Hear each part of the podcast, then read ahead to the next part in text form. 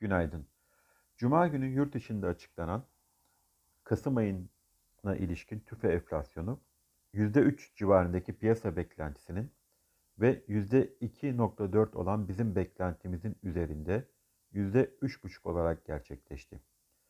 Bir önceki ay %19.89 seviyesinde olan tüfe enflasyonu %21.3'e yükselirken aylık bazda %9.9 artan üfe enflasyonu ise yıllık bazda %46.3'ten %54.6'ya yükseldi. Ee, Uluslararası Kredi, Kredi Derecelendirme Kuruluşu Moody's Türkiye'nin kredi notunu B2 olarak teyit etti. Not görünümünü negatif olarak bıraktı. Gelişmiş ülke hisse senedi endekslerinde düşüşlerin görüldüğü geçtiğimiz hafta BIST 100 endeksi %7,5 oranında yükseldi. Bankacılık endeksi %4, sanayi endeksi %7.9 oranında artış gösterdi.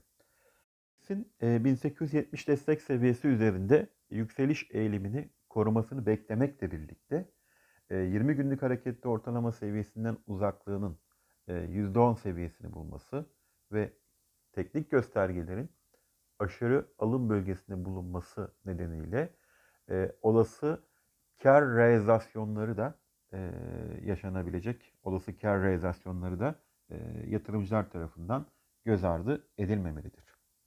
Yurt dışı tarafta e, geçtiğimiz hafta FED Başkanı Powell Amerika Senatosu'nda yaptığı sunumda pandemi kaynaklı enflasyonun bu kadar uzun süreceğini tahmin edemediklerini ve enflasyonun geçici olduğu değerlendirmesinin bir kenara bırakılmasının zamanı olduğunu açıkladı. FED Başkanı ekonominin çok güçlü olduğunu enflasyonist baskıların yüksek olduğunu, bu nedenle Kasım toplantısında varlık alımlarının azaltılmasını belki birkaç ay önce tamamlamayı FOMC toplantısında tartışabileceklerini açıkladı. Cuma günü Amerika'da tarım dışı istihdam Kasım'da 550 bin kişilik piyasa beklentisine karşılık 220 bin artarak son 11 ayın en düşük seviyesine geriledi. Öte yandan önceki ay 531 bin kişi olarak açıklanan Ekim istihdam artışı 546 bine revize edildi.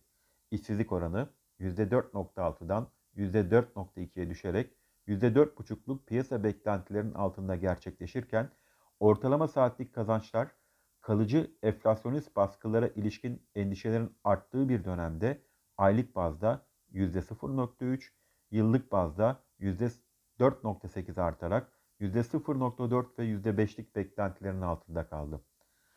Beklentilerin altında gelen tarım dışı istihdam verisi sonrası ABD 10 yıllık tahvil faizleri %1.45'ten %1.35'e doğru geri çekilerek son 2 ayın en düşük seviyesine geriledi. Ancak verilerin Fed'in varlık alım programında kesintilere hız verme eğilimini değiştirmesini e, beklemiyoruz. New York borsası e, cuma günkü işlemlerde piyasa beklentilerini karşılamayan istihdam verisi sonrası haftanın son işlem gününü e, düşüşle tamamladı. Bu sabah ABD'de vadeli endeksler ise pozitif.